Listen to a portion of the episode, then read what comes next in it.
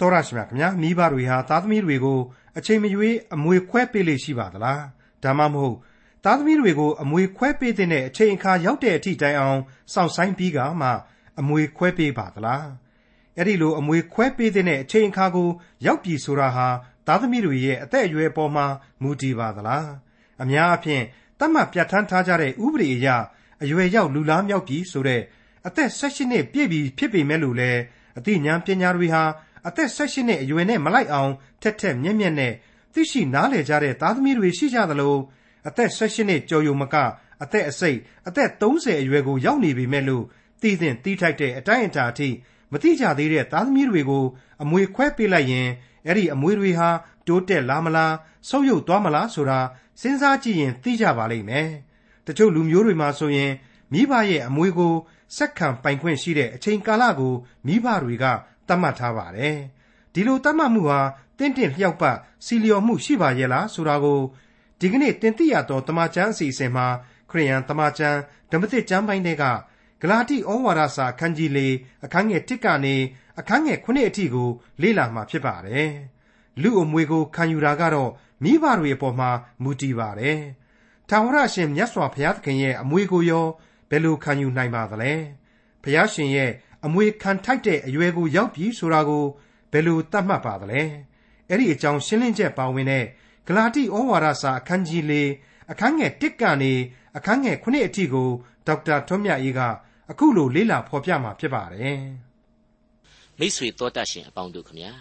ဒီကနေ့အဖို့ကျွန်တော်တို့လေ့လာသွားရမှာကတော့ဂလာတိဩဝါဒစာအခန်းကြီး၄ပဲဖြစ်ပါတယ်။ ယုံကြည်ခြင်းအပြင်ဖြောက်မှတ်ရာသို့ရောက်ခြင်းအကြောင်းတွေကိုပဲဆက်လက်တွေ့ရမယ်။ကျမ်းဩဝါဒတွေပဲလို့ဆိုကြပါတယ်။ဒီကနေ့သင်ခန်းစာတွေမှာကတော့ပြီးခဲ့တဲ့အခန်းကြီး3ရဲ့ဏိဂုံးနဲ့ဆက်ဆက်ပြီးတော့ယုံကြည်ခြင်းအပြင်နောက်ထပ်ခံစားရဆုကျေးဇူးတော်တစ်ခုရှိသေးတယ်ဆိုတာကိုတွေ့ရလိမ့်မယ်လို့ကျွန်တော်ကြိုတင်ဖော်ပြခြင်းပါတယ်။ဟုတ်ပါတယ်။အဲ့ဒီအခန်းကြီး3ရဲ့ဏိဂုံးမှာတော့ ခရစ်တော်နှင့်ဆက်ဆိုင်လျင်အာဗြဟံ၏အမျိုးအနွယ်ပင်ဖြစ်၍ဂရိတော်အတိုင်းအမွေခံ၏အရာ၌တည်ကြ၏ဆိုပြီးတော့အရေးအမွက်တွေ့ကြရတဲ့ကျေးဇူးတော်ကိုအခုအခန်းကြီး၄ဟာပို့ပြီးတော့နှက်ဆိုင်အောင်ပြီးပြီးပြင်းပြင်းဖော်ပြသွားပါလိမ့်မယ်အငယ်တစ်ကိုစတင်နားဆင်ကြည့်ကြပါစို့တဖန်တုံအမွေခံမြည်ဒီကဥစ္စာရှိသမျှကိုပိုင်တိုက်တော်သူဖြစ်တော်လေအရွယ်မရောက်မီကာလပတ်လုံးအစေအပါကျွန်နှင့်တူ၏ဒီဂလာတိဩဝါဒစာမှာ ကျွန်တော်တို့တခုလေးလာသိရှိခွင့်ရှိနေတာကတော့ပေါလုခေတ်ကာလယောမတို့ရဲ့လူမှုအဆောက်အုံပုံစံပဲဖြစ်ပါတယ်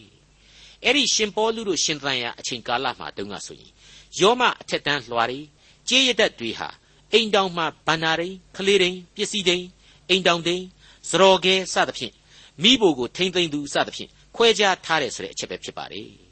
အဲ့ဒီအထက်ကခလေးတိန်ဆိုတာဟာပေါလုကပြည့်ညတ်တော်များလို့ မရင်ကျက်တဲ့လူတွေကိုထိမ့်တဲ့အထိန်တော်ကြီးနဲ့တူတယ်ဆိုပြီးတော့ပြီးခဲ့တဲ့အခန်းကြီး3မှာရည်ညွှန်းဖော်ပြခဲ့တာကိုကျွန်တော်တို့တွေ့ခဲ့ရပြီးပါပြီကျွန်တော်လည်းအတော်ကလေးကြည်ကြဲပြန့်ရှင်းလင်းဖော်ပြခဲ့ပြီးပါပြီအခုဒီကျမ်းအရာဆိုရင်ခရစ်တော်၏အမွေခံတို့ပင်ဖြစ်စေကားမူ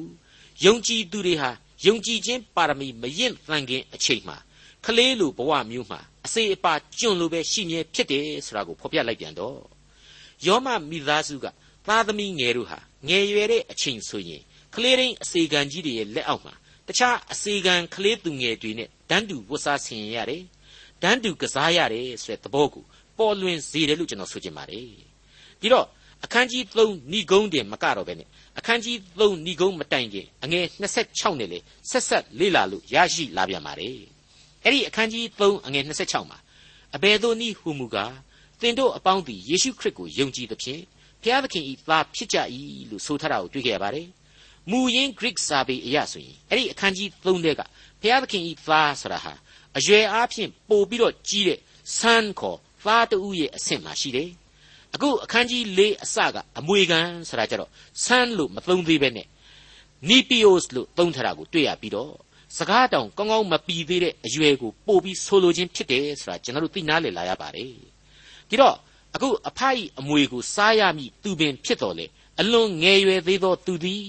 အစေအပါတို့၏အဆင့်မှပင်ရှိသေးသည်ဆရာဟာအတော်ထူးဆန်းနေတဲ့နောက်ထပ်အတိတ်ပဲကိုဖော်ပြလာပါလိမ့်မယ်အငယ်နှစ်အဖစီရင်သောအချိန်ကာလမရောက်မီတိုင်အောင်အဆောင်အထိန်အအုပ်အချုပ်တို့လက်၌ရှိ၏ဒါဟာနောက်ဆက်တွဲဖော်ပြလာတဲ့ဖော်ပြချက်ပါပဲအချိန်တန်အရွယ်ရောက်တဲ့အချိန်အထိအထင်းရဲ့အအုပ်အချုပ်ကိုပဲခံယူရမယ်တဲ့ အချိန်တန်အရွယ်ရောက်တယ်ဆိုတာကိုလေဘသူကသတ်မှတ်မလဲဆိုတော့သူ့ကိုအမွေပေးမဲ့ဖခင်ကသာသတ်မှတ်ရမယ်တဲ့ဒီတော့ကျွန်တော်အကြံပြင်းသိသိနိုင်ငံတော်ဥပဒေတွေမှာဆိုရင်တချို့က22နှစ်ကိုအရွယ်ရောက်ပြီလို့သတ်မှတ်တယ်တချို့က16နှစ်ကိုသတ်မှတ်တယ်စသဖြင့်ပေါ့ဘယ်လိုပဲပြောပြောပါ22နှစ်ကြာမှအဖေကဒီကလေးဟာရင့်ကျက်ပြီလို့သတ်မှတ်ခြင်းပေမယ်တကယ်တော့18နှစ်သားလောက်ကလေးကရင့်ကျက်ကောင်းရင့်ကျက်နေတာမျိုးဖြစ်နိုင်ပါတယ် ဒါကလူလောကရဲ့စီကံသတ်မှတ်မှုတွေနဲ့လောကအမြင်နဲ့ကျွန်တော်ကပြောခြင်းဖြစ်ပါတယ်အဲ့ဒီလောကအမြင်နဲ့ပဲဆက်ပြီးတွေးမယ်ဆိုရင်ငါသားကတော့22နှစ်အထိစောင့်နေစရာမလိုဘူး18နှစ်အရွယ်မှာပဲငါကရင့်ကျက်တယ်လို့သတ်မှတ်တယ်ဒါကြောင့်အထိန်ရဲ့လက်အောက်ကနေလွတ်စေဆိုတာကိုလေအဖေကြီးတယောက်အနေနဲ့အခွင့်ပြုခြင်းပြုနိုင်တာပဲဆိုတာကိုကျွန်တော်တို့နားလည်ထားဖို့လိုပါတယ်ဒီလို18နှစ်တွေ22နှစ်တွေကိုကျွန်တော်တို့ကရေဘူးရအားဖြင့်ပြောနေရပြီမေအမှန်တကယ်လူလောကကြီးမှာ မကောင်းတတ်လို့သာလူကြီးစရင်သွင်းလိုက်ရတယ်လူကသာအိုသေးကန်နီးနေပြီစိတ်ဓာတ်ကယင့်ကိုမယင့်ကျက်နိုင်တဲ့ခလေးစိုးကြီးတွေလိုဖြစ်နေတတ်တဲ့လူတွေကိုရောမတွေ့ရဘူးလားလို့မေးရင်ကျွန်တော်တို့နေရာအနှံ့အပြားမှာတွေ့နိုင်တာပဲဖြစ်ပါတယ်အဲ့ဒါကိုကျွန်တော်တို့ပတ်ဝန်းကျင်မှာမယုံရင်ရှာကြည့်လေအများကြီးတွေ့နိုင်တယ်မဟုတ်ဘူးလားအာနာလို့သာနော်စိတ်ပြိုကိုနုတယ်လို့အရန်အရွယ်တင်တာပဲလို့ဆိုပြီးပြောနေရမြောက်ပင့်ပေးနေရပြီမေအမှန်တကယ်မှာတော့အဲ့ဒီလိုမဟုတ်ဘူးအသက်ကြီးသလောက်အချိန်မစည်းပဲဖြစ်နေတာ ड़ी ကလေးတွေကိုသူကဆုံးမရမယ်အစားကလေးတွေနဲ့ဖက်ပြီးရန်ဖြစ်နေတာတွေတစိတ်ရှိစိတ်ကောက်တက်လုံးလို့သူ့ကိုပဲချော့နေရတာတွေစတဲ့လူဒန်းစားမျိုးတွေဟာအများကြီးပါကျွန်တော်တို့အသင်းတော်အဖွဲ့အစည်းခရိယံအဖွဲ့အစည်းကြီးတွေမှာလည်းအဲ့ဒီလိုလူမျိုးတွေအမြောက်အများရှိတတ်တယ်ကလေးတွေနဲ့ဖက်ရန်ဖြစ်လို့လေဘ누구မှဝိုင်းပြီးတော့ထိန်လို့သိမ့်လို့မရချော့လို့မရဖြစ်တာတွေအချင်းချင်းကျွန်တော်တို့ကြုံရတယ်မဟုတ်ဘူးလားအဲ့ဒီလိုကပောက်တိကပောက်ချာဖြစ်မှုတွေဟာလူလောကမှာအမြောက်အများကြုံတွေ့ရတဲ့အတွက်ကြောင့် ကျွန်တော်တို့ဟာရင့်ကျက်သောယုံကြည်ခြင်းအသက်တာကိုတက်လှမ်းနိုင်ဖို့အတွက်လေကိုကိုကိုဝိညာဉ်ရေးအရာအမြဲတမ်းဝိညာဉ်ရေးမျက်စိနဲ့သုံးသပ်ဖို့လိုတယ်ဆိုတာဒီနေရာမှာကျွန်တော်ကထပ်မံဖြည့်ဆွတ်ပြရစီအခုတမန်တော်ကြီးဆိုလိုတဲ့အမွေခံတိုက်သောသားအဆင့်ကိုအဖကဆုံးဖြတ်သတ်မှတ်ခြင်းဆိုတာကြတော့အဲ့ဒီလိုကပောက်တိကပောက်ချလူသရုပ်များနဲ့နားလေလွယ်အောင်သာနှိုင်းရတယ်ပြည့်တဲ့အများကြီးအဆင့်မြင့်တယ်ဆိုတာကိုတွေ့ရတယ်ပြည့်တဲ့တိကျပြတ်သားတဲ့အတိတ်ပဲအဖြစ်လေပြောင်းပြီးကျွန်တော်တို့မြင်လာရပါလိမ့်မယ်။ ဘာဖြစ်လို့လဲဆိုတော့တမန်တော်ကြီးရဲ့ကြမ်းတဲမှာမြင်ရတဲ့ဆုံးဖြတ်သူဟာအဖဖျားသခင်ဖြစ်နေပြီလေ။အဆုံးအဖြတ်ခံရသူများကတော့ဖျားသခင်ရဲ့အမွေကိုငန့်လင့်စောင့်စားနေရသူသားသမီးများပဲဖြစ်နေလို့ပါ။အငယ်သုံးထိုနည်းတူငါတို့သည်အရွယ်မရောက်မီလောကီတရားနုလက်၌ကျွန်ခံကြရ၏။ဒါဟာဣသရေလလူအဖွဲ့အစည်းအမှုပြုတဲ့ကနဦးအသင်းတော်ကယုံကြည်သူများတို့ကိုတိုက်ရိုက်ဥတီလိုက်တာပဲဖြစ်ပါတယ်။မင်းတို့ငါတို့ဟာ မိမိတို့ကိုယ်ကိုယ်ကိုဆုံးဖြတ်နိုင်စွမ်းမရှိဘူးအလွန်သေးကွေးနုနေတဲ့ဝိညာဉ်ရေးအခြေအနေမှာပြည့်ညတ်တော်ဆိုတဲ့အထင်းတော်ကြီးရဲ့အရေးအောက်မှာပဲကျွန်းခံနေခဲ့ကြရပါတယ်တဲ့ဂလာတိဩဝါဒစာအခန်းကြီး၄အငယ်၄နဲ့၅အချိန်ကာလစေသောအခါငါတို့သည်သားဤအခွင့်အရာကိုခံရမည်အကြောင်းပြည့်ညတ်တရားလက်၌ရှိသောငါတို့ကိုရွေးနှုတ်စေခြင်းဟာမိမဝန်း၌ပရိသေရီယူ၍ပြည့်ညတ်တရားအောက်၌ဖွားမြင်ရသောသားတော်ကို ဖျားသခင်သည်စေလွတ်တော်မူ၏တဲ့ကြည်စမ်းဘလောက်ကြည့်အံ့ဩဖို့ကောင်းတဲ့ကျေးဇူးပြုခြင်းလေပြည့်ညတ်တော်တို့ဟာရှေးကာလကတည်းကထားခဲ့တဲ့ဂရိတော်မပြည့်စုံမီအချိန်အတော်အတွင်းလူသားတို့ရဲ့ဒုစရိုက်တွေကြောင့်ချထားခဲ့ခြင်းဖြစ်တယ်ဒါတွေဟာဂရိတော်တို့ပြည့်စုံခြင်းတနည်းအားဖြင့်အာဗြဟံ၏အမျိုးအနွယ်သို့မဟုတ်လူစားတိကိုခံယူသူကယ်တင်ရှင်သခင်ခရစ်တော်အားဖြင့်လူမျိုးတကာတို့ကောင်းကြီးမင်္ဂလာများကိုခံစားရပြီဆိုတဲ့အချိန်အထိသာ အကျိုးသက်ရောက်တဲ့ယာယီအထင်းတော်သာဖြစ်တယ်ဆိုပြီးတော့ကျွန်တော်တို့ကိုဖော်ပြခဲ့တာ ਨੇ ကွက်တိဖြစ်နေပြီဆိုတာကိုတွေ့ရတယ်။ဘုရားသခင်ဟာအချိန်ကာလစေ့တဲ့အချိန်ကျတော့လူသားဖြစ်တဲ့ငါတို့ကိုသားအရာမှအမွေခံတိုက်ပြီဆိုတာကိုသိတဲ့အလျောက်အဲ့ဒီအထင်းပြည့်ညတ်တော်ရဲ့လက်အောက်ကထွက်လာစေဖို့ဆိုပြီးတော့သူ့ရဲ့သားတော်ကိုစေလွှတ်လိုက်တယ်တဲ့။အဲ့ဒီသားတော်သို့မဟုတ်လူစားတိခံကယ်တင်ရှင်သခင်ခရစ်တော်ကိုစေလွှတ်ရမှလေ သူကိုယ်တိုင်ချမှတ်ထားတဲ့ပြည့်ညတ်တရားရဲ့အောက်မှာပဲဖွားမြင်စေခြင်းကိုခံစေတယ်တဲ့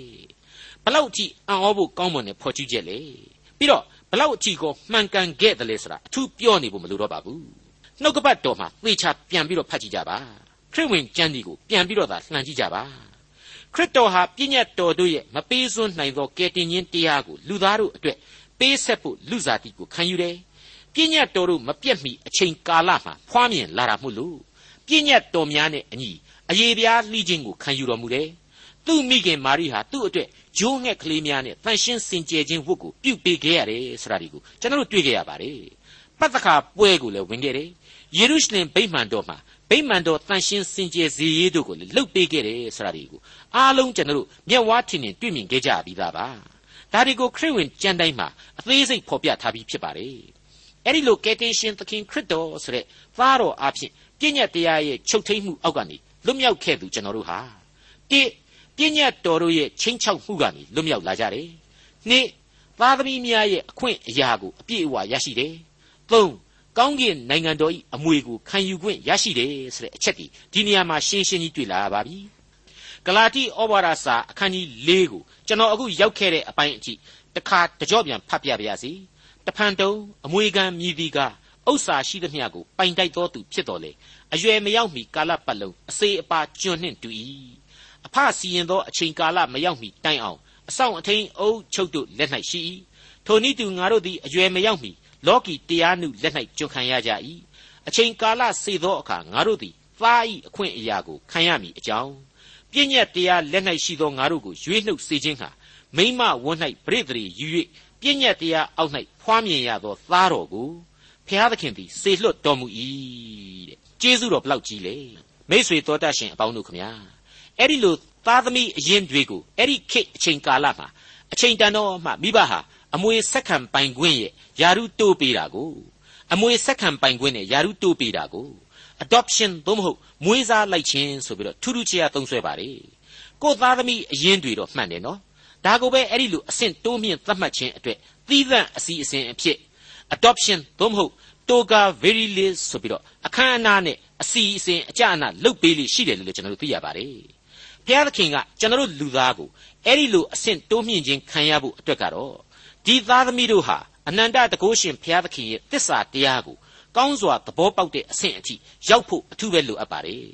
သဘောပေါက်တယ်ဆိုတာဟာနားလေတာမဟုတ်ပါဘူးဘုရားသခင်တစ္ဆာတရားကိုလူသားဟာအကျွင့်မဲ့နားလေဖို့မဖြစ်နိုင်လောက်အောင်ရှိပါတယ် နားလေအောင်ကြိုးစားနိုင်တယ်ဆိုတဲ့အဆင့်နဲ့သဘောပေါက်နိုင်တဲ့အဆင့်ပဲရှိတယ်လို့ကျွန်တော်ဆိုချင်ပါတယ်ဒီနေရာမှာကောရိန္သုဩဝါဒစာပထမစာဆောင်အခန်းကြီး2အငယ်9နဲ့10ကိုကျွန်တော်ပြန်ပြီးသတိရမိပါတယ်ကျမ်းစာလာသည်နှင့်အညီဖျားသခင်ကိုချစ်သောသူတို့အဖို့အလို့ငှာဖျားသခင်ပြင်ဆင်တော်မူသောအရာတို့ကိုလူမျက်စိဖြင့်မမြင်နားဖြင့်မကြားစိတ်နှလုံးဖြင့်မကြံမစီပေထိုအရာတို့ကိုဘုရားသခင်သည်မိမိဝိညာဉ်တော်အားဖြင့်ငါတို့အားဖော်ပြတော်မူ၏ ဝိညာဉ်တော်သည်ဘုရားသခင်၏နည်းနည်းသောအရာတိုင်အောင်ခတ်သိမ်းသောအရာတို့ကိုစစ်တော်မူ၏ဆိုပြီးတော့တွေ့ရပါတယ်မိษွေတော်တတ်ရှင်အပေါင်းတို့ခမညာဘုရားသခင်၏နည်းနည်းခြင်းကိုဘုရားသခင်ရဲ့ဝိညာဉ်တော်အားဖြင့်သာလျှင်ကျွန်တော်ဟာသိနာလေနိုင်မယ်ဆိုတဲ့အတိတ်ပဲဖြစ်ပါတယ်အဲ့ဒီအတိုင်းပါပဲပရောဖက်ကြီးဟေရှာယဆိုခဲ့တာကတော့ဟေရှာယအနာဂတိကျမ်းအခန်းကြီး64အငယ်၄မှာအခုလိုဖြစ်နေပြန်ပါတယ်ကိုတော်ကိုမျှော်လင့်သောသူတို့အဖို့အလို့ငှာ ကျေးဇူးပြုတော်မူသောဖျားကိုတော်မှတပါအခြားသောဖျားသခင်ကိုကဘာဦးမှစ၍အဘယ်သူမျှမကြားမသိပါနားဖြင့်မကြားမျက်စိဖြင့်မမြင်စဖူးပါတဲ့ဒီတော့ဖျားသခင်ရဲ့အမွေကိုခံယူခြင်းသူတယောက်ဟာမိမိကိုယ်တိုင်ကအလွန်ပြင်းပြစွာနဲ့တစ္ဆာတရားကိုသိလို့သူဖြစ်ရမယ်ဆိုတာတွေ့ရပြီဒီလူတယောက်ဟာအမွေကိုခံယူခြင်းနဲ့ဆိုရင်ဝိညာဉ်စုကျေးဇူးကိုအသနာခံတောင်းလျှောက်ဖို့တော့မလွဲမသွေလိုအပ်လိမ့်မယ်ဆိုတာရှင်းနေပါတယ် သင်သိရသောသမာကျမ်းကိုပြုစုခဲ့တဲ့ဒေါက်တာဂျေဗန်နမက်ဂီဟာသူ့ရဲ့ငယ်ရွယ်သောဓမ္မကျောင်းသားကလေးဘဝကစပြီးတော့အမှုတော်ဆောင်ကလေးဖြစ်လာတဲ့အချိန်အထိအကြောင်းတွေကိုဆောင်းပါးတစ်ခုမှဖော်ပြထားပါတယ်သူဟာဝိညာဉ်ရေးအရာရောစီးပွားရေးဘက်မှာပါအခြေခံကြောတော့နောက်ခံတွေကောင်းကောင်းမရှိခဲ့လေတော့ကိုကိုကိုသိပ်ပြီးတော့အားမရခဲ့ဘူးစိတ်အားငယ်ခဲ့ဘူးတယ်လို့ဆိုပါတယ်တရားဟောရမယ့်အချိန်ဒီမှာတောင်မှ အသင်းတော်တွေကပြိသက်လူကြီးတွေကိုကြည်ပြီးတော့ဇာတိစိတ်ထဲမှာမဟောရဲမပြောရဲတလူလူနှစ်ပေါင်းများစွာခံစားခဲ့ရတယ်ဒါပေမဲ့သူဟာဘုရားသခင်အကြောင်းကိုပြီးတော့သိနာလေခြင်းစိတ်ပြင်းပြစွာနဲ့အားနေခြင်းအခြေအနေတဲကပဲဝိညာဉ်ခွန်အားကိုရှာဖွေပြီးတော့ဆူတောင်းခဲ့တယ်နှုတ်ကပတ်တော်ကိုကြိုးစားပန်းစားလေ့လာပြီးတော့ဟောပြောခဲ့တယ်အဲ့ဒီလိုနဲ့အရှင်သုံးတော်မှဓမ္မတုံးထဲဆိုတယ်လို့အောင်မြင်တဲ့ဓမ္မဆရာတပါဖြစ်လာခဲ့ပြီးတဲ့နောက် ကျမ်းစာသင်တန်းတွေကိုပို့ချနိုင်တဲ့အထိမမျှော်လင့်ပဲအောင်မြင်လာတယ်အဲ့ဒီအဆင့်ရောက်တဲ့အချိန်ကျတော့မှကိုယ့်တဲ့အသက်တွေအလွန်ကြီးတဲ့ယုံကြည်သူခရိယန်ကြီးတွေအများအပြားဟာမျှော်လင့်တောင်းတခြင်းပြင်းထန်စွာနဲ့ဆုတောင်းခြင်းအားနဲ့နေတာနဲ့အများဝိညာဉ်ရေးအမြင်တွေမခိုင်မမြဲဖြစ်နေတတ်ကြတာတွေကိုတွေ့လာရတယ် အဲ့ဒီခါမှာသူဟာတန်ရှင်းသောဝိညာဉ်တော်ကပေးတဲ့ဒီခွန်အားနဲ့လူပေါင်းမြောက်များစွာတို့ကိုဝိညာဉ်ရေးနိုးကြားမှုရှိအောင်လို့အားပေးတိုက်တွန်းနှိုးဆော်နိုင်ခဲ့တယ်လို့သူ့ရဲ့ဆောင်းပါးတစ်ပုဒ်မှာသက်သေခံထားတာဖော်ဖော်ပြထားတာကိုကျွန်တော်တို့တွေ့နိုင်ပါတယ်ဂလာတိဩဝါဒစာအခန်းကြီး၄အငယ်6နဲ့9ထို့သောသင်တို့သည်သားဖြစ်သောကြောင့်အဘအဖဟုခေါ်ဝေါ်တတ်သောသားတော်ဤဝိညာဉ်တော်ကိုသင်တို့စိတ်နှလုံးထဲသို့ဘုရားသခင်ဆေလွတ်တော်မူ၏တို့ဖြစ်၍သင်တို့သည်နောက်တဖန်အစေအပါကျွန်မဖြစ် သားပင်ဖြစ်ကြ၏သားဖြစ်လျင်ခရစ်တော်အားဖြင့်ဘုရားသခင်အမွေခံလည်းဖြစ်ကြ၏ထို့သောသင်တို့သည်သားဖြစ်သောကြောင့်တဲ့အဲ့ဒီဝက်ချက်ဟာအလွန်ပြင်းထန်ပြီးတော့အရှိန်တောက်တဲ့ကြေညာချက်ပဲလို့ကျွန်တော်ခန်းစားမိပါတယ်ငါတို့သည်ဘုရားသခင်ဤသားဖြစ်ကြသည်ဟုဝိညာဉ်တော်သည်ငါတို့ဤဝိညာဉ်နှင့်အတူတက်သည်ခံ၏ဆိုပြီးတော့ယောမဩဝါဒစာကဖော်ပြချက်ကိုပါဒီနေရာမှာအောက်မေ့သတိရမိတဲ့အခါမှာတော့ချင်းစီတဲ့ထိအောင်တောင်မှစီးပြန့်သွားစေတဲ့ကြေညာချက် ကြည်နူးဝမ်းမြောက်ဖွယ်ကြေညာချက်မဆုံးနိုင်သောဝိညာဉ်ရေးအသည့်တရားများအဖြစ်စူးစူးနင့်နင့်ဆိုသလိုကျွန်တော်အားလုံးအတူတကွခန်းစားကြရမှာဧကန်အမှန်ပါပဲဒါကိုပို့ပြီးတော့ချီတီမိမိရှိအောင်လို့ယောမဩဝါဒစာအခန်းကြီး၈အငယ်7မှ18အတွင်းမှာတမန်တော်ကြီးရှင်ပေါလုဘယ်လိုဖော်ကျူးခဲ့တယ်ဆိုတာကိုဖတ်ပြပါရစေထိုမြမကယေရှုကိုသေခြင်းမှထမြောက်စေတော်မူသောဖခင်၏ဝိညာဉ်တော်သည်သင်တို့အထက်၌ကျင်းဝတ်တော်မူလျှင် ခရစ်တော်ကိုသေခြင်းမှထမြောက်စေတော်မူသောဖျားသည်သင်တို့အထက်၌ကျင်းဝတ်သောမိမိဝိညာဉ်တော်အားဖြင့်သေရသောသင်တို့၏ကိုယ်ကာယကိုပင် ရှင်စေတော်မူမည်တို့ဖြစ်၍ညီအကိုတို့ငါတို့သည်ဇာတိပဂရိအတိုင်းကျင့်ရမည်အကြောင်းဇာတိပဂရိ၏ကျွန်ဖြစ်ကြသည်မဟုတ်သင်တို့သည်ဇာတိပဂရိအတိုင်းအသက်ရှင်လျင်သေရကြမည်ဝိညာဉ်တော်အားဖြင့်ကိုယ်ကာယ၏အကျင့်တို့ကိုသေစေလျင်အသက်ရှင်ကြလိမ့်မည် ဖျားသခင်၏ဝိညာဉ်တော်ဆုံးမပဲ့ပြင်တော်မူသမျှသောသူတို့သည်ဖျားသခင်၏သားဖြစ်ကြ၏အကြောင်းမူကားသင်တို့သည်တဖန်ကြောက်ရွံ့တတ်သောကျွန်ဤသဘောကိုရကြသည်မဟုတ်အဘအဖဟုခေါ်ရသောအခွင့်နှင့်သားဖြစ်ခြင်းဤသဘောကိုရကြပြီငါတို့သည်ဖျားသခင်ဤသားဖြစ်ကြသည်ဟုဝိညာဉ်တော်သည်ငါတို့ဤဝိညာဉ်နှင့်အတူတက်သည်ခံတော်မူ၏သားမှန်လျင်အမွေခံဖျားသခင်ဤအမွေခံဖြစ်ကြ၏ခရစ်တော်နှင့်အတူဘုံဝင်စားမည်အကြောင်းထိုသခင်နှင့်အတူဆင်းရဲဒုက္ခကိုခံရလျင် ထိုသခင်နှင့်ဆက်ဆံသောအမွေခံလည်းဖြစ်ကြ၏မိษွေအပေါင်းတို့ခမညာတမန်တော်ကြီးရှင်ပေါလုကနေပြီးတော့အဘအဖာဆိုတဲ့ဝေါ်ဟာရကိုသုံးခဲ့ပါတယ်ဒါကိုမြန်မာနဲ့တကွကပ္ပသမာကျမ်းစာတွေအကုန်လုံးမှာလေအဘလို့ပဲတိုက်ရိုက်သုံးဆွဲကြတယ်ဆိုတာကိုသိရပါတယ်ဘာဖြစ်လို့လဲဆိုတော့ကောင်းကင်ဘုံရှင်အဖဖျားသခင်ကိုသားတော်အဖြစ်ခံယူရသောဝိညာဉ်လူသားယေရှုရဲ့နှုတ်ကတန်တခေါ်ဝေါ်တဲ့ဒီအသံဟာ ဝိညာဉ်အရှိန်တကုအလွန်ပြင်းပြတယ်ဆိုတာကိုဓမ္မပညာရှင်တွေတညီတညွတ်ကြီးသိထားလို့ပဲဖြစ်ပါတယ်ခန်းစားကြရလို့ပဲဖြစ်ပါတယ်ဘယ်လိုဘယ်လိုဘာသာပြန်ဆိုလို့မှတင့်တင့်တဲတဲစံမမီနိုင်မှာကိုကြိုတင်သိနာလေထားကြလို့ပဲဖြစ်ပါတယ်အခုကျွန်တော်တို့လေ့လာနေတဲ့ဂလာတိဩဝါဒစာအခန်းကြီး၄နဲ့ကျွန်တော်ဆက်နွယ်တင်ပြခဲ့တယ်ယောမဩဝါဒစာအခန်းကြီး၈ရဲ့အငယ်၁၁ကနေ၁၈အတွင်းဖော်ပြချက်တွေကို မိษွေတို့အနေနဲ့လည်းရှင်တွဲဖတ်ရှုလေ့လာသင်ကြပါကြောင်းကျွန်တော်အနေနဲ့ဖြည့်ဆွက်အကြံပြုလိုပါတယ်ဂလာတိဩဝါဒစာအခန်းကြီး၄အငယ်9တို့ဖြစ်၍သင်တို့သည်နောက်တဖန်အစေအပါကျွန်မဖြစ်သားပင်ဖြစ်ကြ၏သားဖြစ်လျင်ခရစ်တော်အားဖြင့်ဘုရားသခင်အမွေခံလည်းဖြစ်ကြ၏ခရစ်တော်ဤဝိညာဉ်တော်ဟာကျေးဇူးတော်ကြောင့်ကျွန်တော်စိတ်ဝိညာဉ်တဲကိုရောက်လာတယ်ဆိုရင်ခရစ်တော်အားဖြင့်ကျွန်တော်ဟာပြည့်ညတ်တော်အရေးအောက်ကကျွန်များရဲ့အဆင့်ကိုလွန်မြောက် သားသမီးများဘဝကိုတက်ရောက်လာကြရတယ်ဘလောက်ရှင်းလင်းပြည်ပြင်းနေတယ်လေဒါတွေကိုကျွန်တော်တို့ကစဉ်းစားလိုက်တော့ဘုရားသခင်ရဲ့သားသမီးများဘဝမှာဘုရားသခင်ကိုအကျွင့်မဲ့ကိုးစားအပ်သောဖခင်ကြီးအဖြစ်နားလည်ရတာတဲ့အသက်တာမှာအခြားဘယ်အရာမှတန်ဖိုးမရှိဘူးလို့ကျွန်တော်ဆိုချင်ပါတယ်ဆက်လက်စဉ်းစားဖို့ကတော့ကိုဟာအဲ့ဒီလိုအဖဘုရားသခင်ရဲ့သားသမီးဖြစ်ဖို့ဆိုပြီးတော့ဘာလို့တလဲဆိုတဲ့အချက်ပါပဲရှင်းပါလေယုံကြည်ခြင်းပါပဲခရစ်တော်ကိုကိုးစားခြင်းပါပဲ ကယ်တင်ရှင်အဖြစ်လက်ခံခြင်းပါပဲဒါကိုလူအတော်များများဟာရိုးရိုးကလေးမတွေးပဲနဲ့ဝေးဝေးလန်လန်တွေးတတ်ကြတယ်လို့ကျွန်တော်ဆိုချင်ပါတယ်ကိုဟာတန်ရှင်းစင်ကြယ်ခြင်းရှိဖို့သီလတွေစောင့်တည်ကြရမယ်ကြိုးစားအားထုတ်ကြရမယ်စွန့်လှူပူဇော်ကြရမယ်စသဖြင့်ပေါ့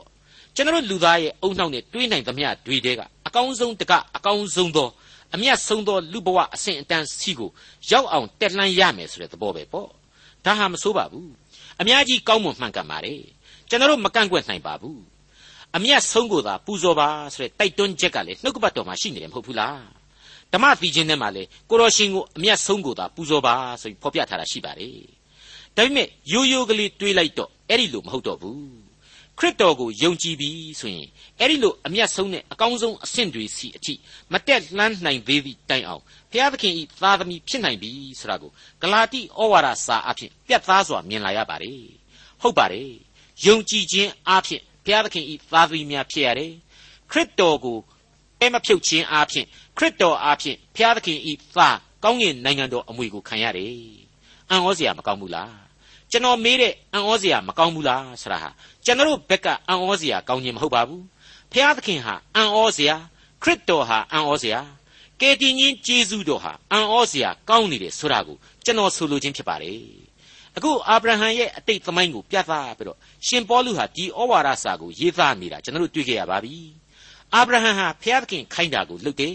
ဘုရားသခင်ကိုယုံကြည်တယ်အဲ့ဒီနီးအားဖြင့်ဖြောင့်မတ်တော်သူဖြစ်လာပြီးတဲ့နောက်ကယ်တင်ရှင်ဂျေဇုတော်ကိုခံရတယ်ဒါဟာတနည်းဆိုရရင်ခရစ်တော်အားဖြင့်ဘုရားသခင်သားအရာကိုသူရရှိခြင်းပါပဲသူ့အသက်တာမှာအမှားတွေအလွန်များခဲ့ပါလေယုံကြည်ခြင်းဂရင်းကဘာတွေဖြစ်တာကိုလည်းတွေ့ရပါတယ်ဖောက်ပြန်မှုကြီးတွေကိုလည်းတွေ့ရပါတယ် မလိမ့်တပတ်နဲ့ဘုရားသခင်အလိုတော်ကိုမလိုက်နာခဲ့မှုတွေလည်းတွေ့ခဲ့ရပါတယ်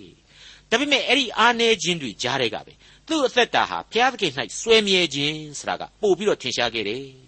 ဘုရားသခင်နဲ့ပတ်သက်လာရင်ခြေသုပ်ပစိုးမွေဆွဲကြိုးခဲ့သူအမြဲစိတ်ထားထားခဲ့သူလူသားကြီးအဖြစ်ကျွန်တော်တို့တွေ့ခဲ့ရပါတယ်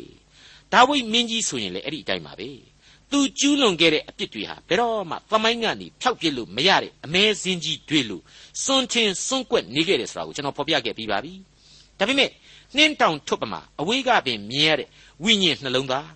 ယုံကြည်ခြင်းနှင်းတောင်ထွတ်ကြီးကိုတော့အဲ့ဒီအမဲဆက်ကြီးတွေဟာအရေးပျော်ကြတဲ့အထိမချေဖြတ်နိုင်ခဲ့ဘူးအဲ့ဒီဘဝအပြစ်အညစ်အကြေးတွေတဲ့သူ့ရဲ့ယုံကြည်ခြင်းဘုရားသခင်ကိုကြောက်ရွံ့ယိုသေးခြင်းနဲ့ကိုးကွယ်ခြင်း အလိုတော်ကိုရှာဖွေနားလည်ခြင်းနဲ့ဝန်ခံခြင်းတွေကသာပို့ပြီးတော့ထင်ရှားနေခဲ့တယ်လို့ကျွန်တော်ဖော်ပြခဲ့ပြီးဖြစ်ပါတယ်ဒီဂလာတိဩဝါဒစာမတိုင်ခင်ကယောဘဝတ္ထုမှာလေကျွန်တော်တို့ဟာအခုလိုဂလာတိဩဝါဒစာအတွက်အထောက်ကူဖြစ်လောက်တဲ့သင်ခန်းစာတွေကိုတွေ့ခဲ့ကြရတာပဲမဟုတ်ဘူးလားယောဘဟာသူ့ရဲ့ဖြောက်မှတ်စုံလင်ခြင်းစံမတူအောင်ကောင်းမှုပြုခြင်းအလှူဒါနတွေပြုလုပ်ခြင်းတန်ရှင်းစင်ကြယ်ခြင်းစွန့်ကြဲခြင်းတွေအမျိုးမျိုးအပေါ်မှာသိပ်ပြီးအထင်ကြီးခဲ့မိတယ် ကိုကိုကိုသိပြီးတော့ယုံကြည်စိတ်ချမိခဲ့တယ်ဒီတော့ဘုရားသခင်ကတမင်ပေးလိုက်တဲ့လောကရန်ဆင်းရဲခြင်းတွေလည်းပေါ်လာရောအဖြေမှန်ကို तू မသိတော့ဘူးဒီကြားထဲမှာနဘေးပတ်ဝန်းကျင်ကနေပြီးတော့အပေါင်းအသင်းတွေကမင်းအခုလိုဒုက္ခတွေရောက်ရတာမဟုတ်တာလှုပ်လို့မဟတ်တာဖြစ်တာပဲနေမှာပေါ့ဆိုပြီးတော့လေဝိုင်းပြီးတော့ဆွဆွဲကြရောတကယ်ဒေါသတွေမခံကျင်စိတ်တွေပေါ်လာပြီငါဖြောက်မှတ်တယ်စုံလင်တယ်တန့်ရှင်းတယ်မကောင်းတာတခုမှမလုပ်ဘူး သီလနဲ့ပြည့်စုံတယ်ဆိုတာတွေနဲ့ကြီးပဲကိုကိုကိုထုံမှန်းခဲ့မိတယ်ဆိုတာတွေကိုကျွန်တော်ယောဘဝတ္ထုမှာရှင်းရှင်းကြီးတွေ့ခဲ့ရပြီးပါပြီတကယ်တော့အဲ့ဒီလိုကောင်းမှုတွေလုပ်တန့်ရှင်းဖြူစင်တယ်ဆိုကြတဲ့ကကျွန်တော်ကဒါကိုချီးမွမ်းရမယ်လေမကောင်းဘူးလို့တခုမှကျွန်တော်တို့တွားပြောလို့မရတော့ဒါကတော့အမှန်ပဲဟုတ်တယ်တကယ်လဲလူကောင်းကြီးတယောက်ပါဆိုတာကိုဘုရားသခင်ကိုတော်တိုင်းကအသိအမှတ်ပြုခဲ့တာပဲမဟုတ်ဘူးလားဒါကိုမကောင်းပါဘူးတွားလို့ဒုက္ခရောက်ကုန်မှာပေါ့ဒါပေမဲ့ ဘုရားသခင်ကအဲ့ဒီကောင်းမှုကြီးတွေဖြူစင်ခြင်းကြီးတွေတဲ့ဘာကိုလိုခဲ့တယ်ဆိုတာကိုမိษွေတို့မှတ်မိကြတယ်မဟုတ်ဘူးလားအံ့ဩစရာကောင်းတယ်နော်နောင်တနှလုံးသားတဲ့ကျိုးပဲ့ကြေမွသောစိတ်အစဉ်တဲ့ဒါဟာအခုဂလာတိဩဝါဒစာကိုရေးနေတဲ့တမန်တော်ကြီးကလည်းပဲဓမ္မသစ်ခေရဲ့ပုံစံသစ်နဲ့ပဲကျွန်တော်တို့ကိုဆုံးမသွန်သင်လိုက်တာပဲလို့ကျွန်တော်တို့မြင်နိုင်ပါတယ်ခရစ်တော်ဟာမင်းတို့အတွက်အသေးခံတယ်သင်ကြိုခြင်းကိုခံယူတယ်ရှင်ပြန်ထမြောက်တော်မူတယ် ဒါဟာဝမ်းမြောက်ဖွယ်ဧဝံဂေလိတရားသာဖြစ်တယ်ကယ်တင်ခြင်းကျေးဇူးတော်လည်းဖြစ်တယ်အသက်လန်းလည်းဖြစ်တယ်ကောင်းကင်နိုင်ငံတော်အမွေကိုခံရဖို့လည်းဖြစ်တယ်အဲ့ဒါကိုယုံကြည်ခြင်းရှိဖို့လိုအပ်တယ်တဲ့ကောင်းပြီဒီအချက်ကြီးတွေနဲ့ကယ်တင်ရှင်ကိုယုံကြည်တဲ့စိတ်ဘယ်နည်းနဲ့သာတိဆောက်နိုင်သလဲကိုဟာသေရမယ့်အပြစ်သားဘာမှမတတ်နိုင်တဲ့လူသတ္တဝါခရစ်တော်မှတပါအားကိုခိုလုံစရာမရှိဘူး သူ့ကျေးဇူးဂရုဏာတော်နဲ့သာလျှင်သာဝရအသက်ကိုရရှိနိုင်တယ်ဆိုတာကိုခံယူနိုင်မှသာလျှင်ဒီယုံကြည်ခြင်းဖြစ်ပေါ်လာနိုင်မှာမဟုတ်ဘူးလားအဲ့ဒါဟာနောင်တနဲ့ကြိုးပဲ့ကြေမွာခြင်းစိတ်အစဉ်ရှိကိုရှိရလိမ့်မယ်ဆိုတာကိုလူသားတို့ရဲ့အားနည်းချက်အတွင်းမှာလိုအပ်ချက်ကြီးကိုမိမောင်းထိုးပြလိုက်တဲ့အဖြစ်ပါပဲမိษွေတော်တတ်ရှင်အပေါင်းတို့ခမညာယုံကြည်ခြင်းဖြင့်သာခရစ်တော်ဤဝိညာဉ်တော်ကိုခံယူရတယ် ဝိညာဉ်တော်အားဖြင့်သာဘုရားသခင်ဤသားသမီးများအဖြစ်အမွေကိုခံယူရတယ်ဆိုတာကိုကျွန်တော်နားလည်ခွင့်ရရှိခဲ့ပါပြီဒါဟာဘုရားသခင်ရဲ့အနန္တကျေးဇူးတော်ပါပဲဘယ်သောအခါမျှမမေ့နိုင်စေရန်ရည်စူးပြီးတော့ယောမဩဝါဒစာအခန်းကြီး၈အငယ်15နဲ့16ကိုကျွန်တော်တကြောပြန်ကူကားပါရစေသင်တို့သည်တဖန်ကြောက်ရွံ့တတ်သောကျွန်ဤသဘောကိုရကြသည်မဟုတ်အဘအဖဟုခေါ်ရသောအခွင့်နှင့်သားဖြစ်ခြင်းဤသဘောကိုရကြပြီ ငါတို့သည်ဖျားသခင်၏သားဖြစ်ကြသည်ဟုဝိညာဉ်တော်သည်ငါတို့၏ဝိညာဉ်နှင့်အတူတက်သည်ခံတော်မူ၏ဘလောက်ကောင်းလေရှင်းရှင်းပြောရရင်တော့ဘုရားသခင်ရဲ့တန်ရှင်းသောဝိညာဉ်တော်ဟာကျွန်တော်ရဲ့ဝိညာဉ်အတွင်းမှာကင်းဝတ်မယ်ဆိုတဲ့သဘောပဲမိษွေအပေါင်းတို့ခမညာပေတရုတထေဖန်ရှင်ပေါလုကစပြီးတော့လွန်ခဲ့တဲ့နှစ်ပေါင်း200ခန့်ကဗမာပြည်ကိုသာသနာမျိုးစေ့ယူဆောင်လာသူဒေါက်တာဂျက်ဆန်ဦးနော်ကိုသာပြူမှစပြီးတော့ဒေါက်တာဥပဟန် တရာမူလာတို့အထိမြေပေါ်မှာကွယ်လွန်ခဲ့သောအမှုတော်ဆောင်ကြီးတွေဒီကနေ့သက်ရှိထင်ရှားနေစေဖြစ်နေတဲ့ဒေါက်တာချစ်မောင်ဆရာကြီးဦးအောင်တင် Bishop အာမြအဲ့ဒီလိုပုဂ္ဂိုလ်ကြီးတွေဘုရားသခင်ရဲ့သားကြီးတွေအသက်တာတွေကတော့ဝိညာဉ်တော်သည်ငါတို့၏ဝိညာဉ်နှင့်အတူတက်သည်ခံတော်မူ၏ဆိုပြီးတော့ထင်ရှားစွာဖော်ပြနိုင်ခဲ့ကြပြီလို့ကျွန်တော်လေးစားဥညွတ်မိပါတယ်ပြီးတဲ့နောက်မှာတော့လောကမိဘတို့သည်ပင်လျှင်ကိုယ်သားသမီးကိုစွန့်ပစ်နိုင်သည့်အထိ အမွေဖြတ်ပစ်နိုင်သည့်အထိလဲပတ်နေသောအပြစ်သမိုင်းရှိကြီးတဲ့မှာလူသားတို့ကိုဘယ်အချိန်ဘယ်အခါကမှတယောက်တည်းဘယ်တော့မှပြစ်မထားခဲ့တဲ့အဖဖျားသခင်ရဲ့ကျေးဇူးမေတ္တာတော်အပေါင်းကိုလေချီးမွမ်းထောမနာပြုလို့မကုံနိုင်အောင်ယင်ထဲမှာခံစားမိပါတယ်ဒေါက်တာထွန်းမြတ်ရေးစီစဉ်တင်ဆက်တဲ့တင်ပြရတော်တမချန်းအစီအစဉ်ဖြစ်ပါတယ်နောက်တစ်ချိန်အစီအစဉ်မှာခရိယန်တမချန်းဓမ္မသစ်ကျမ်းပိုင်းတွေက ဂလာတိဩဝါဒစာအခန်းကြီး၄အခန်းငယ်၈ကနေအခန်းငယ်၁၆အထိကိုလေ့လာမှဖြစ်တဲ့အတွက်စောင့်မျှော်နားဆင်နိုင်ပါတယ်။